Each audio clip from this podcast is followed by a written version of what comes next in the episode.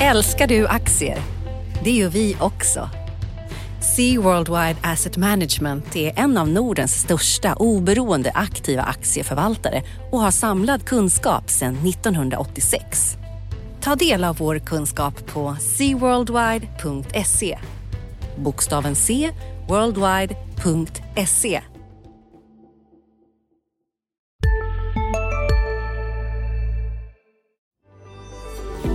IG är den globala tradingmäklaren som utgör det perfekta komplementet till din trading. Handla valuta, aktier, råvaror, index, kryptovalutor och mer med IGs hävstångsprodukter. Dessa handlar du på IGs prisbelönta plattform men du kan även ta del av deras mer avancerade plattformar såsom Pro Real Time. Öppna ett konto hos IG redan idag. Ladda ner appen eller besök ig.com. Men kom ihåg att handel med finansiella instrument alltid innebär risker. Analyspodden från Dagens Industri. Hej och välkommen till Analyspodden, Dagens Industris podd om börs och makro. Eh, jag heter Agneta Jönsson och med idag har jag min kollega Nils Åkesson. Välkommen Nils! Tackar, tackar Agneta! Och idag är det fredagen den 12 november och klockan är strax efter tio så att ni vet vad vi vet när vi spelar in det här. Och idag ska vi prata om inflation, räntor och vad som händer på börsen naturligtvis. Eh, OMX-index är på 23,45 och det är upp 0,8 här i veckan. Hittills i år är index upp 25 procent. Nu kan vi nästan lägga rapportfloden bakom oss och då blir det mer fokus på makro, inte minst på inflation. Och är den tillfällig eller inte är frågan här. Vad tror du Nils? Eh, ja, eh, vi kan väl säga att eh, precis när rapportfloden började sina då, så kom en, en ny present till alla makronördar. Då, USAs inflationsstatistik, KPI-inflationen. Ska, vi ska återkomma till frågan här om tillfälligheten, men vi kan väl konstatera först då att onsdagens siffror här pekade alltså mot den högsta nivån på 31 år i USA i oktober. Hela 0,2 procents inflation enligt KPI-måttet. Då. Och framförallt var den ännu en gång en större uppgång då än vad marknaden hade räknat med. Eh, även rensat för skenande energipriser eh, och även rensat för matpriser då, så var kärninflationen den på 30 års högsta. Den var 4,6 procent. Det här stärkte dollarn och gav fart på spekulationer då att Fed ska komma att få mer bråttom höja styrräntan. Den här, vi och har återkommande i den här podden ju pratat om det här. Eh, hur ska man se på eh, årets inflationsuppgångar? Är de tillfälliga som centralbankerna säger? Är de inte det? Eh, eh Fed då, som ju eh, inledde året och har fortsatt över sommaren och, och envist hävdat att eh, det här snart blåser över av sig självt, har ju liksom med myrsteg backat från den absoluta hållningen och, och, och börjat eh, medge att eh, det är lite oroande att den, att den fortsätter att stiga och att den, eh, man inte riktigt ser den här klara tecknen på när och hur det ska avta. Men grundbilden är deras, från dem och, och andra stora centralbanker och även Riksbanken är ju att det, det här är tillfälligt. Det här kommer att gå över. Frågan är om det är redan under första halvåret. Eh, nu ser det ut som att det kanske snarare blir framåt mitten på nästa år. Eh, och jag, eh, jag är väl benägen att hålla med. Det är klart att osäkerheten är, är ju stor och det finns ju riskerna där att lönetrycket ska rulla igång, det vill säga att, att man vill ha, det börjar komma kompensationskrav att de här priserna har stigit eh, så mycket och så länge att det blir krav på högre löner och då kan den här klassiska spiralen börja sättas i, igång. Jag tror att vi får nog faktiskt ha det lite längre och där, det är ju också en anledning, det som du nämner här, för att eh, på många håll så finns det brist på arbetskraft, framför allt den arbetskraft som man faktiskt behöver. Mm. Eh, och då blir det ju lite praising power om man ska byta jobb eller om man ska eh, ta någon annan typ av jobb. Så att jag tror att vi kan få se det där. Sen dök det upp en intressant aspekt. Jag var med i Börsmorgon i morse och då var det en förvaltare där, Christian Granqvist från eh, Lancelot, som menar på det att centralbankerna eh, egentligen inte är så bekymrade över det här för att det är också ett sätt att inflatera bort mycket av de här stora skulderna vi har dragit på oss senaste åren. Så att om inflationen piper iväg här under några år, fast kanske inte så mycket, ungefär på de här nivåerna som är nu, så är det rätt bra för då får vi ju bort en del av de här skulderna som annars kan vara lite kämpiga att minska. Ja, precis. Eh, diskussionen framöver kanske kommer att förskjutas lite grann till att eh, eh Eh, inflation är inte samma sak som hyperinflation. Att eh, de här eh, mm, Säg att eh, om nu kärninflationen var på 4,6 procent, vilket var 30 års högsta i USA, säg att den ligger där mellan 4 och 5 procent. Eh, det kanske inte är, eh, är katastrof, absolut. Eh, det är ju bara det att eh, riskerna är såklart finns ju där, att, att man tappar kontrollen. Ja, men så jag tror, jag tror att vi får nog se lite högre räntor på långsidan som jag sagt tidigare. Vi fick ju ett ordentligt uppställ från när den här siffran kom. Då var ju amerikanska tioåringen på 1,44. Nu är den 1,57. I nominella termer är det inte mycket att bråka om, men den procentuella förändringen är ganska stor i det där. Mm, mm. Nej, jag bara säga att det är klart att det finns motröster i den där diskussionen. Det finns ju de dysterkvistar som säger att ja, men efter den här skakiga återhämtningen, den här enorma rekylen efter corona och alla märkliga utbuds och flaskhalsproblem, då väntar den här vanliga vardagen igen. Alltså den nya normala som var före eh, pandemikrisen. Då hade vi ju den här kampen mot en evigt eh, låg inflation eh, och många sådana drivkrafter kan man hävda finns kvar då. Alltså globaliseringen som, och, och, och andra faktorer som har liksom under ett decennium efter finanskrisen hållit tillbaka envist inflationen och det har, det har ju varit det var ju centralbankernas huvudverk alldeles nyss. Ja. Spelplanen har ändrats lite och det är väl inte sista ordet sagt i den här frågan heller misstänker jag. Nej. Men vi har ju också andra grejer som påverkar våra bolag. De exporterande bolagen är ju ganska beroende på kronutvecklingen och det är ju också en sak som Riksbanken måste fundera på. I går hade jag eh, glädjen att prata med Stefan Ingves eh, på scenen på vårt bankevent och då kom vi in lite på det där. Eh, centralbankerna är ju självständiga så att Riksbanken kan göra vad de vill. De behöver inte följa ECB och Fed och de här. Men däremot är det ju det där med valutan så springer de iväg och är alldeles för egensinniga så ställde det till med problem för kronan och du har ju tittat en del eh, på den här. Ja, alltså eh, man kan konstatera att eh, kronan har ju eh, haft ett par, gjort ett par vändningar här under hela pandemikrisförloppet kan man säga. Det var ju när börserna och riskaptiten och alltihopa dök våren 2020 så hängde kronan med ner. I det här enorma rallyt sen så hängde kronan med upp och vi fick en, en lång förstärkningstrend under Eh, sådär nio månader under eh, 2020 då, ut ur den akuta pandemikrisen. Men sen blev det bakslag igen här under, eh, ja, i, sen årsskiftet i år och fram till augusti ungefär. I augusti någonstans så, så var, noterade kronan ett årslägsta och sen på höstkanten så har vi nu en ny vändning igen då där kronan tar tillbaka mark, framförallt mot euron men även lite mot dollarn då faktiskt. Och det här kan man fundera på vad är det som, som eh, driver kronan i de här eh, eh, vändningarna. Och nu, nu på slutet här så skulle jag vilja hävda att det finns en hel del liksom, eh, kronpositiva argument. Oavsett vad man tittar på för drivkrafter så, så talar det allra mesta för att, att det bör vara medvind för kronan.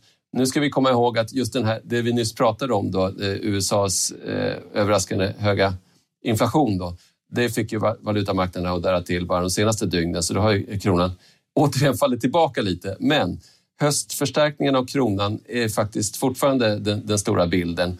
Och där skulle jag säga att eh, ja, sen eh, det var lite oro på börserna i september så har ju riskaptiten rejält kommit tillbaka. Vi har haft nya börsrekord, inte minst i USA.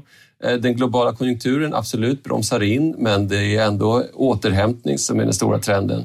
Och Sverige har ju då gång på gång, som är mycket på våra sidor i analys i, i Dagens Industri, har ju Sverige, både liksom statsfinanser och vår relativa tillväxt gentemot eh, Europa, har ju vi varit bäst i klassen. Vi har, vi har liksom överraskat positivt och, och, och stuckit ut. Så att eh, då ska det belönas. Ja, det tycker jag att det ska göra.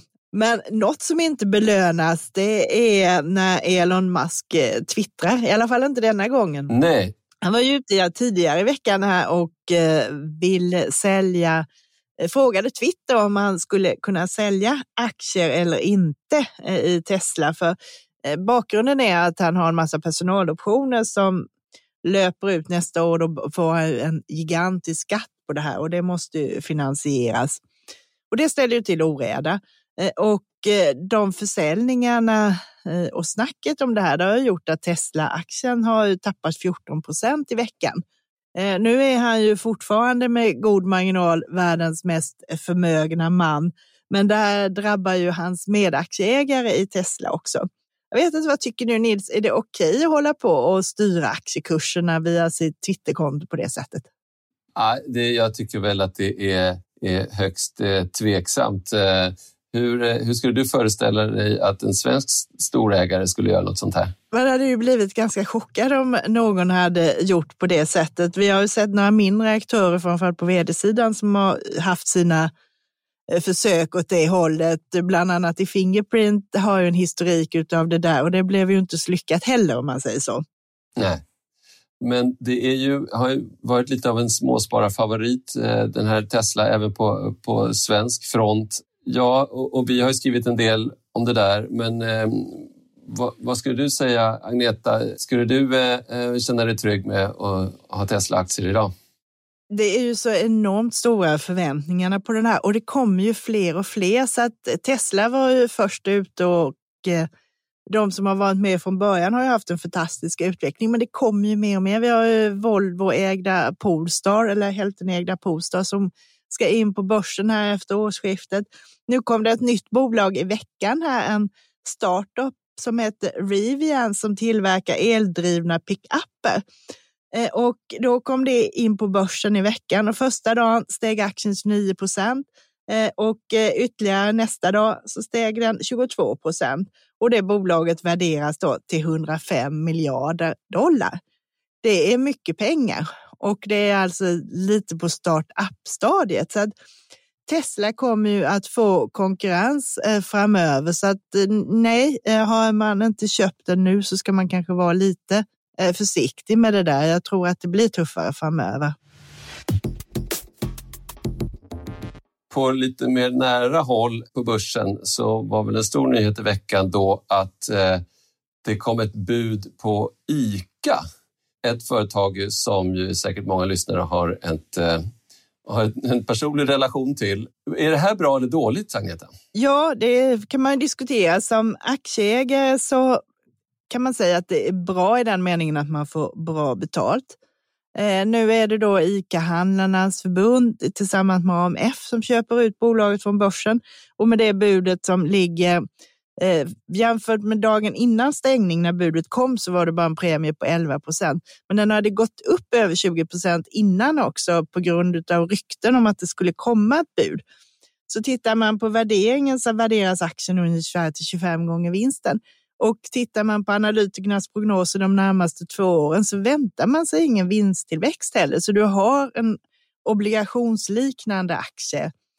Och ska du då Eh, det som de gör det här för är att de, vill, de behöver investera en massa för att klara av konkurrensen från lågprisaktörer, för ökad digitalisering, klara av det här med e-handel och sånt och det gör man bäst i onoterad miljö säger man. Det är ungefär samma sak som när Nordnet köptes ut från börsen för att göra samma resa då, en massiva investeringar i IT och teknik och sådana här saker. Just nu pågår vår stora season sale med fantastiska priser på möbler och inredning. Passa på att fynda till hemmets alla rum, inne som ute, senast den 6 maj. Gör dig redo för sommar. Välkommen till Mio. Har du också valt att bli egen? Då är det viktigt att skaffa en bra företagsförsäkring. Hos oss är alla småföretag stora och inga frågor för små. Swedeas företagsförsäkring är anpassad för mindre företag och täcker även sånt som din hemförsäkring inte täcker. Gå in på swedea.se företag och jämför själv.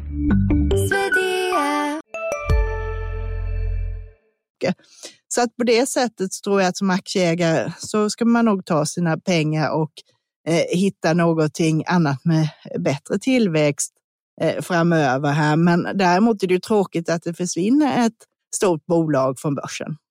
Ja, men är det ett tillräckligt eh, motivering tycker du att, eh, att man går in i en investeringsintensiv fas då och därför ska lämna börsen? Ja, det som man vet är ju att det är väldigt svårt för bolagen att göra det där när de är på börsen, för det drar ju ner resultaten och aktieägarna har ju inte så stora, stort tålamod. Så att sitta kvar i en aktie som går väldigt tråkigt och särskilt om vi kommer in i en tristare börsperiod, det är ju ingen poäng med det heller. Så att eh, jag förstår att man gör det där. Ja, Eh, men då tittar vi vidare på börsagendan. Eh, så sent som idag va? så hade vi rapport från Astra, stämmer det? Har du hunnit titta på den? Jag tittade lite på den här och det var en besvikelse siffermässigt för att missade prognoserna en del. Försäljningen var ungefär som väntat. Däremot var det som man kallar då kärn eller core ebit, kärn rörelseresultatet på 2,3 miljarder dollar var 15 procent lägre än väntat. Och man skriver, gör nog också en stor nedskrivning på 1,2 miljarder dollar för ett eh, preparat som heter Verinuad där man avbryter den fortsatta utvecklingen mot ett läkemedel så att säga. Och sådant händer ju, men eh, det är ju en liten besvikelse.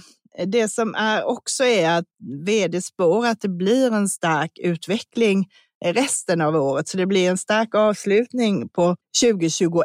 Vår kollega Johan Wendel har ju skrivit om det här också, för Astra har investerat mycket i nya eh, produkter senaste åren och nu väntar lite av en skördetid. Så tittar vi på prognoserna så är aktien historiskt billig. Den handlas på 17 gånger nästa års vinst och 15 gånger året efter.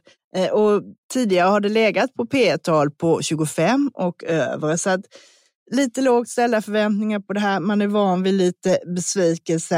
Eh, först när rapporten kom så dunkade aktien ner en 5 men nu har man eh, tagit och lugnat ner sig lite, så nu är den ner 3 och då ligger den ganska nära sin kursnivå. Den var som mest uppe igår i 1102 kronor och nu är den i 1065 så att eh, marknaden tar det här lite med jämnmod. Så jag tycker inte man ska bekymra sig. Man har blivit lite besviken förut, men jag tror att eh, vi får väl hoppas på det där att det blir en bra avslutning på året.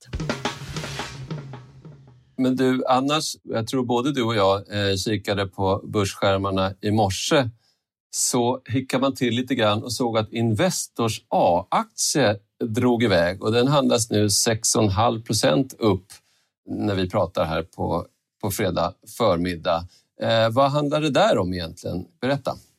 Jo, det är så att eh, Investors A-aktie kommer in i det här stora indexet MSCI Global.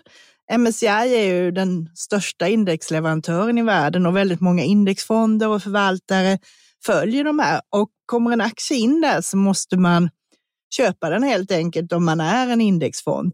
Men många andra förvaltare köper det ju också för de följer, även om de är aktiva så har de ju ofta bolag som ingår i sitt investeringsuniversum. Eh, och då blir det ett automatiskt sälj eller köptryck i den här. Det har vi sett eh, många gånger förut.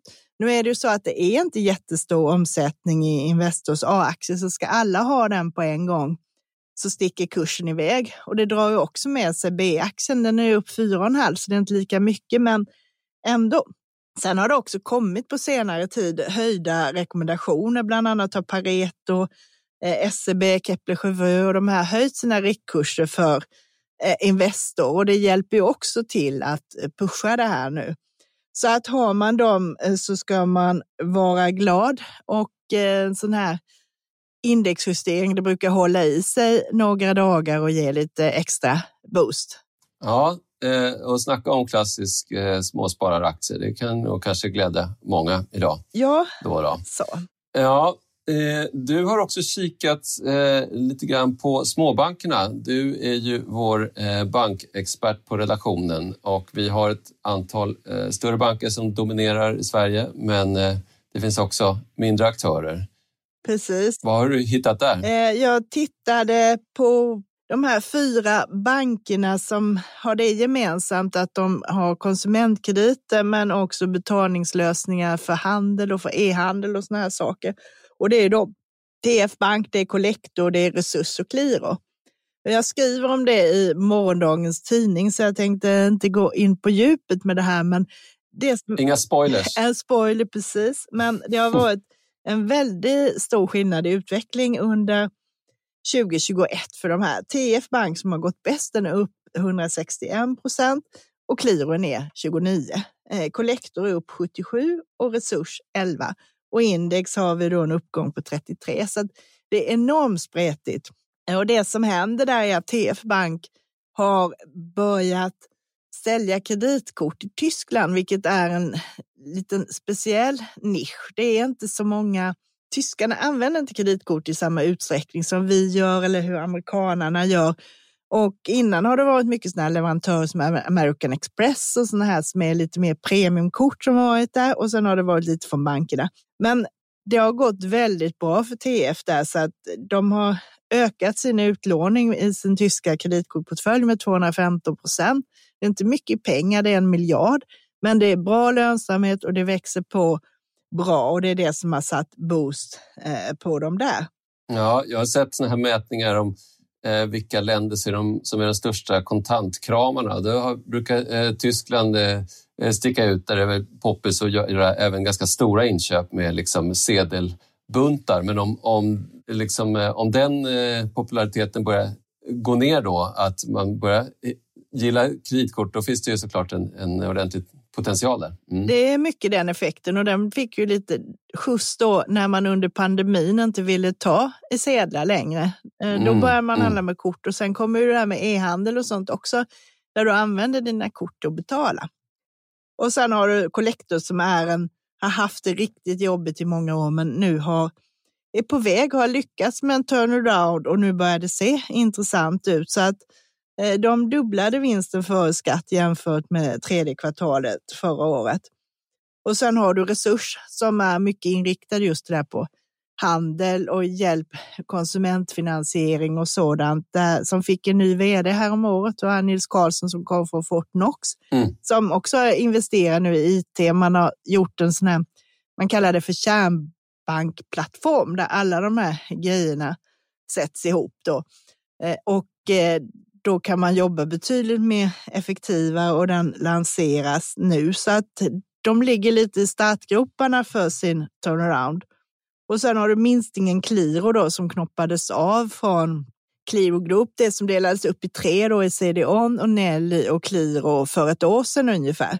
Och den gick väldigt bra i början. Det var en amerikansk investerare inne där och det var jättehypat och de vill bli nummer två. Eh, på den nordiska marknaden då efter Klarna och vänder sig till större e-handlare och sådär. Men de har stött på lite patrull under året. Nu ska man utvidga och även gå in lite på medelstora e-handlare. Man fick lite smäll på fingrarna från Konsumentverket för att man marknadsförde konsumentlån med e-mail till kunder som har handlat eh, via deras lösningar och sådär. Och det ska man inte riktigt göra. Så att eh, de har tappat lite tillväxt och ett bolag som man kan säga de är lite mer åt fintech fintech-hållet och lite nyare. De tjänar ju inga pengar än direkt och då måste man klara av att växa och det har man inte riktigt gjort nu. Mm. Så det förklarar liksom att de här är i olika eh, faser helt enkelt. Ja, men vilken, vilken aktie av de där som är mest attraktiv då? Det kanske man får eh, hålla sig till att man man, man får läsa i din text? Då. Det kanske man ska göra. Eh, det, jag tycker som sagt eh, resurs ser attraktivt värderad ut och där har du lägst risk. Och man kan säga så att klara kollektor och hålla i den här vändningen man har lyckats gjort nu så kommer man växa in i den lite högre värderingen man har nu och samma gäller för TF egentligen. Mm.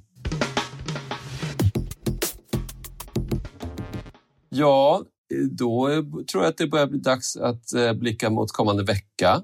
Ja, du har väl spännande saker där redan på måndag? Ja, precis. Veckans höjdpunkt är redan på måndag. Då får vi ju nämligen svensk inflationsstatistik för oktober eh, som ju var, det var den amerikanska siffran vi just fick i, eh, i veckan som gick. Så det blir mycket intressant. Redan i september steg det svenska inflationstrycket då till 2,8 procent och det var ju det högsta på 13 år. Nu räknar i alla fall Riksbanken med att inflationstrycket eh, når 3 procent. Det pratade du säkert med Stefan Ingves om när du träffade honom i veckan här också. Och det är ju framförallt energipriserna som eldar på det här. Den underliggande inflationen stiger också, men om Riksbanken får rätt så var den ungefär 1,7 procent i oktober och det är ganska lagom eh, egentligen.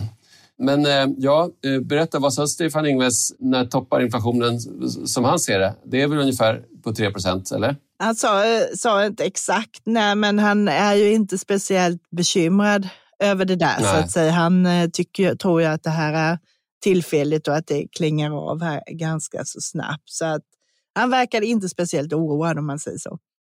Nej, men det blir eh, en siffra som man inte får missa på måndag alltså.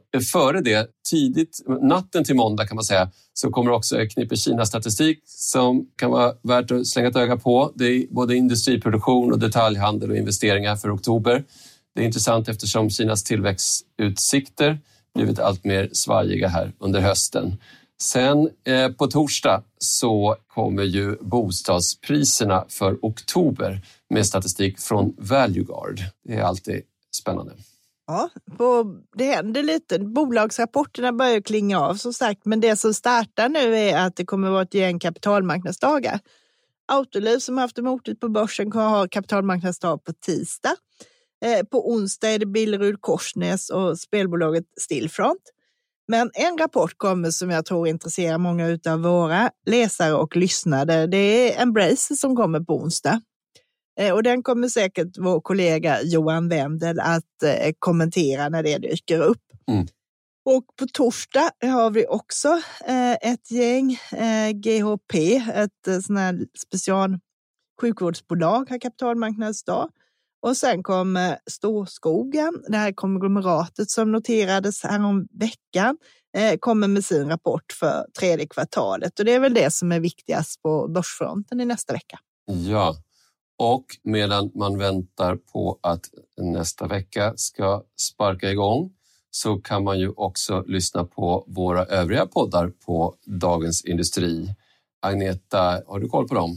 Ja, vi har ju Digitalpodden och vi har ju Makrorådet med vår kollega Viktor Munkhammar och sen har vi Smarta pengar som handlar om privatekonomi och sen den här dagliga podden Morgonkoll som kommer vid sju på morgonen.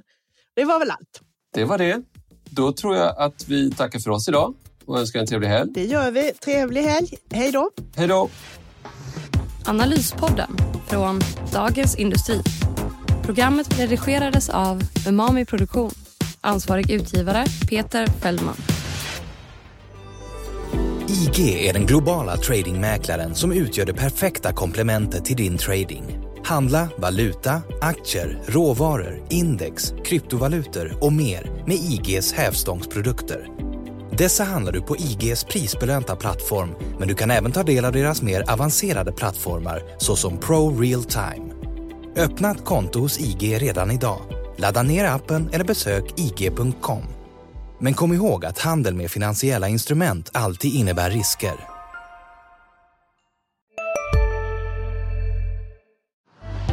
Älskar du aktier? Det gör vi också.